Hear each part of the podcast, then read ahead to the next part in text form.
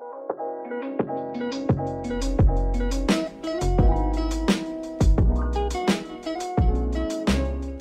Anda siapa nih yang kangen sama suara gue nih ya kan? Siapa nih ya kan? Pasti pada kangen kan sama gue. Nah kali ini gue ngepodcast nih bareng partner gue lagi nih. Partner gue yang baru. Siapa sih partner gue? Halo semua, kenalin gue Rafael Geraldine kali ini akan menemani Wiwit di acara podcast Tapstalk. Tapstalk ke-37. Oke. Seperti biasa ya Anda listener, di sini gue bakal ngebacain tiga berita nih dari theandalpost.com. Nah, berita yang pertama ada apa, Rafael? Berita pertama kita akan bahas tentang hedonisme. Ya, betul banget. Perkembangan hedonisme bagi generasi muda, ya kan? Nah, tanggapan lu gimana tuh? Kalau menurut gue hedonisme di masa-masa sekarang ini ya Mm-mm. eh, sangat tidak dianjurkan sih karena di masa yang sulit sekarang Mm-mm. itu kita sangat membutuhkan banyak sekali eh, pemasukan dan kita Betul. perlu menjaga uang-uang kita sih. Mm-mm. Tapi gue juga bingung nih sama eh, penjelasan dari presiden kita Jokowi Iya. yang ingin yang menyuruh kita untuk menggunakan uang kita. Nah itu menurut lu gimana? Kalau menurut gue hedonisme bagi generasi muda ya, gue stu- gue dibilang setuju ya setuju, dibilang gak setuju juga gak setuju gitu. Tapi gue middle lah, gue di tengah-tengah. Tapi kenapa kita zaman sekarang nih anak-anak muda zaman sekarang kenapa butuh hedonisme gitu? Karena mungkin mereka tuh takut eh, apa namanya ketinggalan zaman atau takut nggak ditemenin kan rata-rata mungkin anak sekarang tuh eh, lebih kayak kayak begitu ya maksudnya lebih kayak ngumbar eh, kesenangan mereka gitu. Kalau gue kayak gitu, menurut gue ya, menurut pan- sudut Oke, pandang gue gitu. Nah, di sini juga andalpost.com eh, bilang hal tersebut bisa dilihat dalam perilaku masyarakat nih, khususnya generasi muda yang saat ini gitu kan.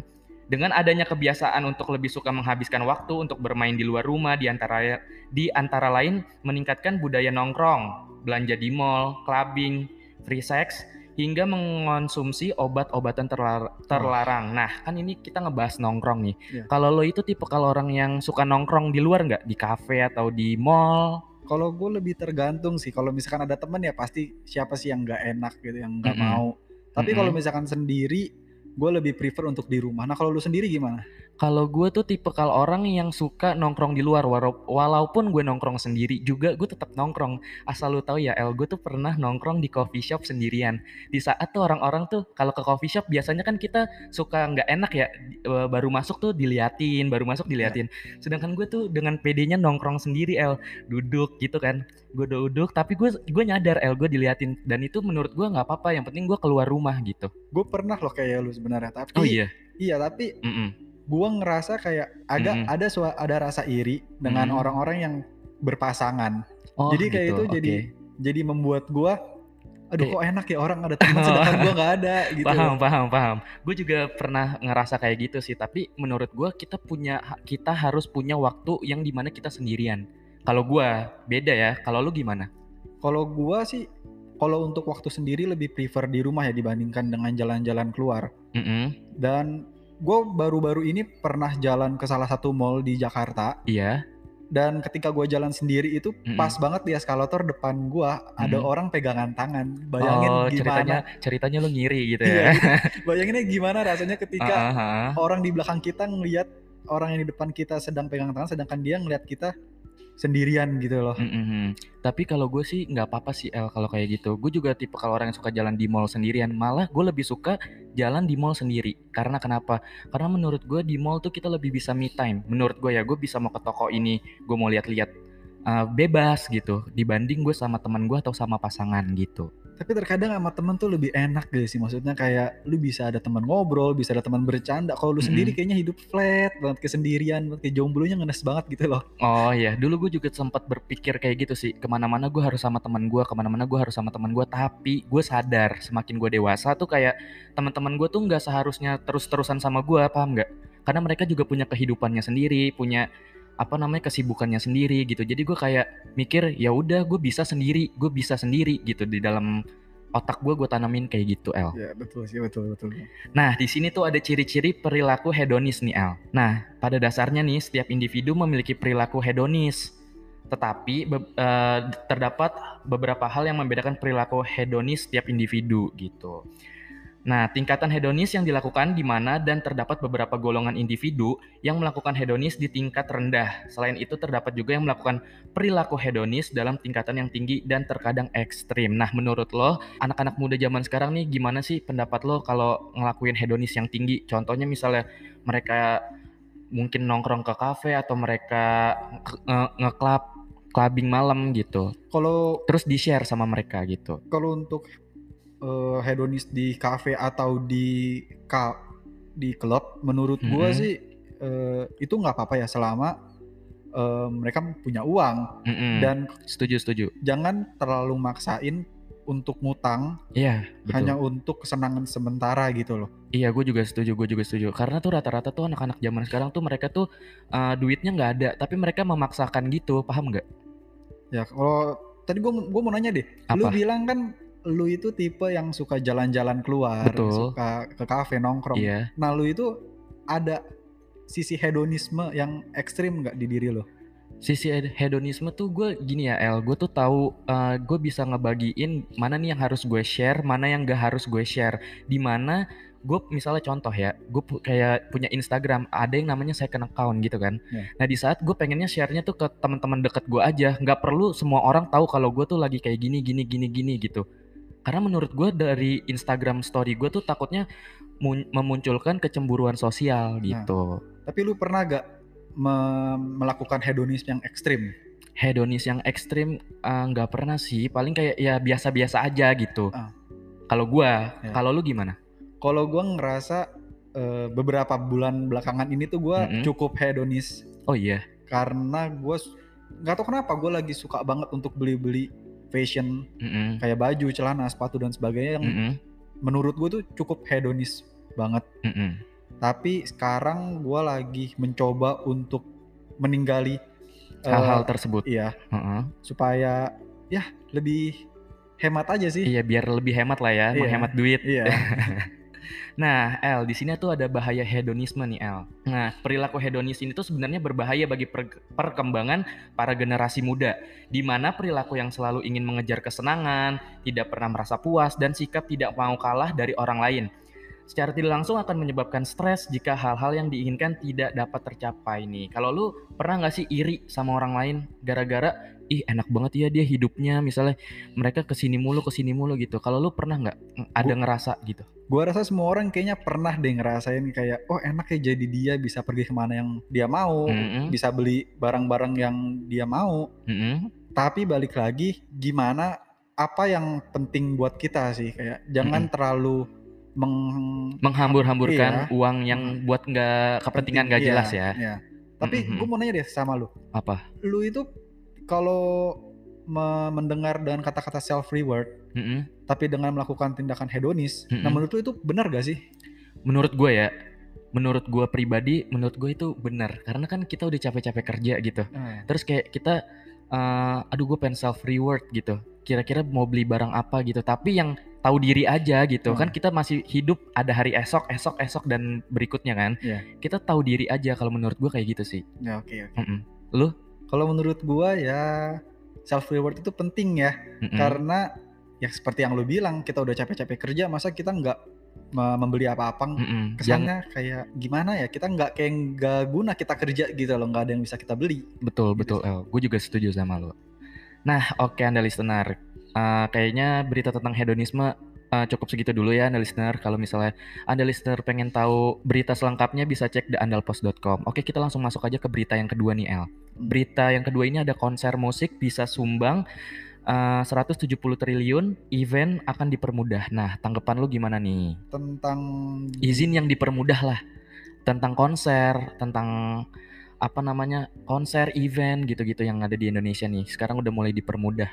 Gue setuju banget sih sama tindakan yang tindakan pemerintah untuk memudahkan orang-orang membuka Eh, kegiatan-kegiatan uh, seperti itu uh -huh. ya karena uh, itu bisa menjadi salah satu uh, ajang pertunjukan bagi kita mm -hmm. ke masyarakat luas masyarakat di seluruh dunia kalau di Indonesia tuh ada loh konser musik yang sangat luar biasa hebatnya gitu sangat heboh gitu loh mm -hmm. Gue juga setuju sih karena kan konser musik itu kan juga menambah penghasilan negara ya, yeah. pemasukan untuk negara kita gitu kan. Nah, selain konser musik, seni budaya, olahraga, serta kegiatan ekonomi kreatif lainnya dapat berpotensi nih kan yang tadi di highlight judul gitu, menciptakan pergerakan ekonomi di Indonesia nih. Karena Pak Sandiaga menyebutkan sebelumnya Presiden Jokowi juga telah memberikan perintah agar penyelenggaraan acara atau event diberikan perizinan dengan mudah gitu, El. Tapi ya, kalau mm -hmm. misalkan uh, ini event diselenggarakan itu kan mm -hmm. pasti menarik banyak perhatian orang nih. Iya nah, betul. Nah, yang lu pasti tahu lah, sekarang tuh COVID bukan hal yang udah nggak ada gitu. Maksudnya mm -hmm. COVID tuh masih ada. Masih ada. Mungkin yeah. kita harus aware aja ya sama protokol-protokol kesehatan yang ada gitu kan. Iya sih. Tapi kan banyak orang mm -hmm. yang akan ngikutin ini loh. Bahkan ribuan orang loh yang bakal ngikutin ini. Mm -hmm. Nah itu menurut lu, apakah itu bakal berdampak ke berkembangnya COVID di Indonesia atau gimana?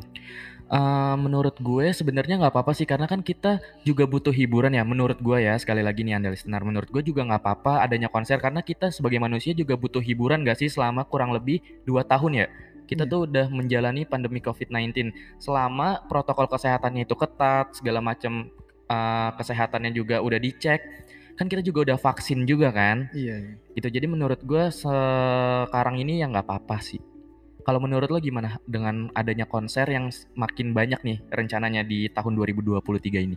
Sebenarnya kalau misalkan dilihat dari sisi ekonomi sih gue setuju ya karena dijelasin kalau uh, konser ini akan mm -hmm. menghasilkan 170 triliun yang yeah. mana itu kan pastinya akan mendongkrak perekonomian Indonesia. Yeah, Tapi kalau misalnya kita lihat dari sisi kesehatan, dari sisi keamanan, mm -hmm. itu gue ngerasa kayaknya pemerintah tuh ada PR deh untuk ini PR-nya tuh apa? Kayak yang lu bilang tadi protokol itu harus lebih diperketatin lagi tapi mm -hmm. gue ngelihat konser-konser mm. saat ini yang udah berlangsung yeah. itu masih kurang banget gitu loh. Dan kalau misalkan ini sampai terjadi nih, mm -hmm. gue rasa kayaknya takutnya nanti COVID itu malah bakal merajalela lagi sih. Oh lu tuh kayak takut kalau COVID tuh bakal naik lagi ya, terus yeah. kita ppkm lagi gitu. Betul. Oke, tapi kan sebentar lagi juga ada mau ada konser nih, El. Yeah. Kalau lo tahu, ada namanya sebentar lagi konsernya Blackpink di GBK nih. Oke. Okay. Itu bakal mengundang banyak orang karena fansnya mereka tuh bukan nasional dari negara kita juga. Yeah, yeah. Itu tuh artis internasional gitu kan secara dia K-pop. K-pop tuh sekarang tuh lagi digandrungin banget kan sama anak-anak muda, generasi muda kita gitu. Nah, itu tuh bakal menciptakan konser yang besar banget dan menurut gue juga itu kan menambah pemasukan untuk negara kita juga. Iya sih, selain menambah pemasukan juga gue rasa bisa me semakin memperkenalkan Indonesia ke dunia luar. Tapi balik lagi, mm -hmm. kalau misalkan ini protokol kesehatan tidak diperketat, takutnya nanti malah uh, opini publik bukan bukan uh, hal-hal yang baik mengenai Indonesia sih. Takutnya malah mm -hmm. publik malah memandang Indonesia uh, malah membuat uh, COVID ini muncul lagi gitu. Gua takutnya sih gitu aja sih. Oh kayak lu tuh ketakutan yang ada di otak lu ini kayak takutnya tuh Indonesia menjadi sumbernya lagi ya? Iya. Sumber dari mana daripada kemunculannya si COVID iya. ini gitu. Karena kan seperti yang kita tahu warga Indonesia itu kan suka banget ya keluar negeri. Mm -mm. Takutnya kalau misalkan mereka ngikut konser lalu mereka terkena COVID dan mereka keluar negeri, mm -mm. itu takutnya malah jadi cap yang buruk gak sih bagi nama Indonesia? Ya itu bisa jadi sih. Ya mungkin memang berarti pemerintah emang harus mengketatkan lagi iya protokol sih. kesehatannya lah iya, ya. Kalau emang dia pengen mempermudah izin konser dan event lang yang lainnya di Indonesia pada Benar. tahun 2023 ini ya. Iya, tetap harus fokus ke perketatan lagi protokol kesehatan lagi sih. Oke, nah nih berita yang terakhir El. Berita yang terakhir ini tuh ada Presiden Jokowi ya minta masyarakat untuk menggunakan uang yang tersimpan nih El. Tanggapan lu gimana tuh El? Kalau mengenai itu sih gue kurang setuju ya dengan presiden kita ya karena ini masa lagi susah loh. Mm -mm. dan dia malah menyuruh kita untuk menghambur-hamburkan uang. Itu mm -mm. hal yang kurang bagus sih menurut gue tapi kalau menurut lu gimana? Menurut gue menurut gue sih gue setuju. Setuju banget. Kenapa harus menghamburkan duit? Contohnya gini misalnya ada orang yang ekonominya menengah ke atas masa mereka harus nyimpen duit mereka? Gitu paham nggak? Ya iya sih. Tapi kan iya. kita uh -uh. menabung itu kan tak untuk uh, menutup hal-hal yang tidak di, yang tidak diinginkan. Mm-hmm. Tapi kalau misalkan presiden kita menyuruh kita, oh kita harus uh, ngeluarin duit untuk membantu Indonesia gitu. Mm-hmm. Kalau misalkan nanti kitanya suatu saat kita kenapa-kenapa, mm-hmm. tapi kita tidak ada uang, mm-hmm. itu gimana? Enggak El, gini, menurut uh, gue ya, menurut gue pribadi nih El. Nah, kenapa tuh yang ekonominya menengah ke atas tuh harus meng, uh, bukan menghamburkan, istilahnya harus membelanjakan uangnya gitu.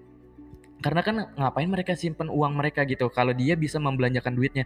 Cuman gue nggak setuju banget sama yang ekonominya menengah ke bawah karena mereka juga buat apa mereka menghambur-hamburkan duit gitu. Mendingan mereka menabung uang mereka untuk masa depan mereka gitu.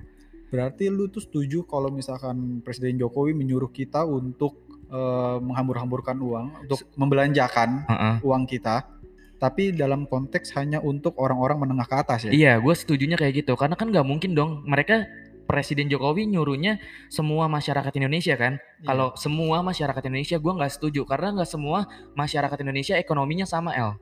Oh, Kalau okay. bagi gue ya, menurut gue. Kalau menurut lo gimana? Kalau menurut gue sih mm -mm. Uh, baik itu menengah ke atas atau menengah ke bawah, menurut gue itu uh, presiden tuh udah nggak bisa untuk memutuskan kita harus melakukan apa yang dia mau gitu loh. Kayak dia menyuruh -hmm. kita untuk membelanjakan uang kita kalau misalkan kita nggak mau karena kita takut uh, suatu saat kita mengalami hal-hal yang tidak diinginkan, -hmm. presiden nggak bisa uh, memaksa kita dong. -hmm. Dan gua uh, percaya sih kalau misalkan orang-orang uh, di dengan kalangan di atas itu mereka uh, suka membelanjakan uang, iya. tapi bukan untuk produk Indonesia. Mereka Gue juga setuju. Karena mm -hmm. produk Indonesia tuh sekarang udah dicap kurang bagus menurut mm -hmm. gue dengan kualitasnya yang kurang baik. Mm -hmm. Jika dibandingkan dengan produk-produk luar iya, negeri lah ya. Iya, itu mm -hmm. pasti orang kalangan atas lebih suka untuk menggunakan uang mereka, membelanjakan uang mereka untuk hal-hal yang luar negeri, barang luar negeri. Iya, iya. Menurut gue juga kalau misalnya kayak gitu jatuhnya bukan membantu perekonomian Indonesia nggak sih? Iya. Karena kan masuknya juga ke rekeningnya orang luar juga kan? Betul. Makanya itu menurut gue kalau misalkan presiden ingin menuntut kita untuk membelanjakan uang-uang kita, itu mm -hmm. presiden harus me melihat lagi dia harus meyakini harus harus ngeyakinin masyarakat lah ya. iya, ya. Harus memastikan kualitas-kualitas produk Indonesia juga nggak kalah saing sama produk-produk mm -hmm. luar gitu loh supaya kita para masyarakat bisa aman untuk membelanjakan uang kita. Iya iya, gue juga setuju. Nah di sini El ada tanggapan publik ya, tambah tanggapan publik masyarakat Indonesia itu mereka nggak setuju.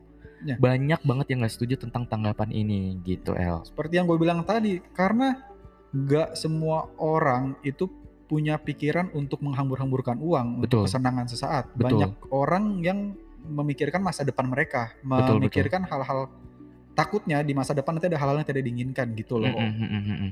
Dan kalau menurut lu sendiri gimana sih kualitas dari produk Indonesia saat ini? Kalau misalkan kita lihat dari Presiden Jokowi yang menyuruh kita untuk membelanjakan tapi kualitas produk kita yang dinilai kurang baik menurut lu hmm. gimana? Hmm. Gini El, menurut gue produk Indonesia itu nggak semuanya kurang baik ya. Kualitas produk Indonesia itu menurut gue ada juga yang baik. Tergantung kita memilihnya produk lokal apa yang kita pilih gitu. Karena gue juga pecinta produk lokal. Gue gue suka banget produk-produk lokal gitu kayak mungkin dari baju, dari celana, sepatu. Gue suka tuh produk-produk lokal. Tapi tergantung kitanya El. Kitanya milihnya tuh mau yang produk lokalnya tuh kayak gimana, jenis apa, kayak gitu. Kita harus bisa milih-milih-milih gitu. Oh. Karena nggak semua barang Indonesia yang tadi dikatakan kan nggak semuanya bagus gitu kan? Iya. Jadi kita harus bisa memilih dari kitanya gitu. Oke. Okay. Oke Anda listener, kayaknya segini dulu ya Tap Talk 37 kali ini. Pengen baca berita-berita yang lebih lanjut, kalian bisa cek di websitenya theandalpost.com gitu ya Anda listener. Dari berita-berita yang kita sampaikan tadi nih, kalau ada yang kelewat, ketinggalan, kalian bisa langsung cek di websitenya theandalpost.com. Dan jangan lupa Anda listener kita masih punya podcast satu lagi yang namanya Hello World. Di sana kita bakal ngebahas teknologi, bisnis serta internet. Oke, Anda listener, gue Wiwit dan gue Rafael Geraldine pamit undur suara. Bye Anda listener. Bye.